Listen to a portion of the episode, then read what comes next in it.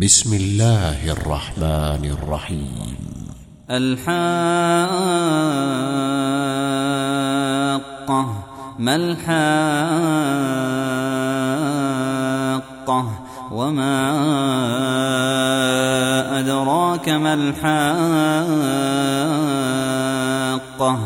كذبت ثمود وعاد بالقارعة فأما ثمود فأهلكوا بالطاغية وأما عاد فأهلكوا بريح صرصر عاتية سخرها عليهم سبع ليال وثمانية أيام حسوما فترى القوم فيها صرعا كأنهم أعجاز نخل خاوية فهل ترى لهم من باقية؟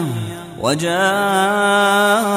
فرعون ومن قبله والمؤتفكات بالخاطئة فعصوا رسول ربهم فأخذهم أخذة رابية. إنا لما طغى الماء حملناكم في الجارية لنجعلها لكم تذكرة وتعيها أذن واعية. فإذا نفخ في الصور نفخة واحدة وحملت الأرض والجبال فدكتا دكة واحدة فيومئذ وقعت الواقعة وانشقت السماء فهي يومئذ واهية والملك على أرجائها ويحمل عرش ربك فوقهم يومئذ ثمانية. يومئذ تعرضون لا تخفى منكم خافية. فأما من أوتي كتابه بيمينه فيقول هاؤم اقرءوا كتابيه. إني ظننت أني ملاق حسابيه.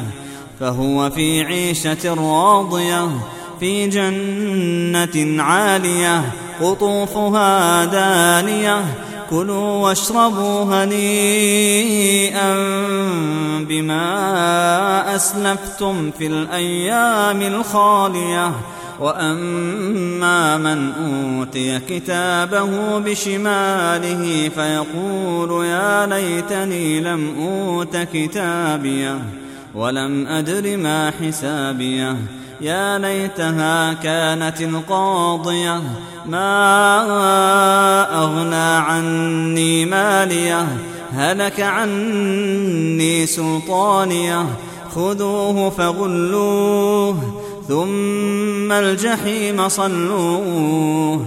ثم في سلسلة درعها سبعون ذراعا فاسلكوه إنه كان لا يؤمن بالله العظيم ولا يحض على طعام المسكين فليس له اليوم هاهنا حميم ولا طعام إلا من غسلين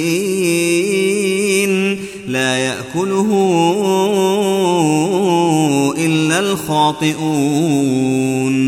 فلا أقسم بما تبصرون وما لا تبصرون.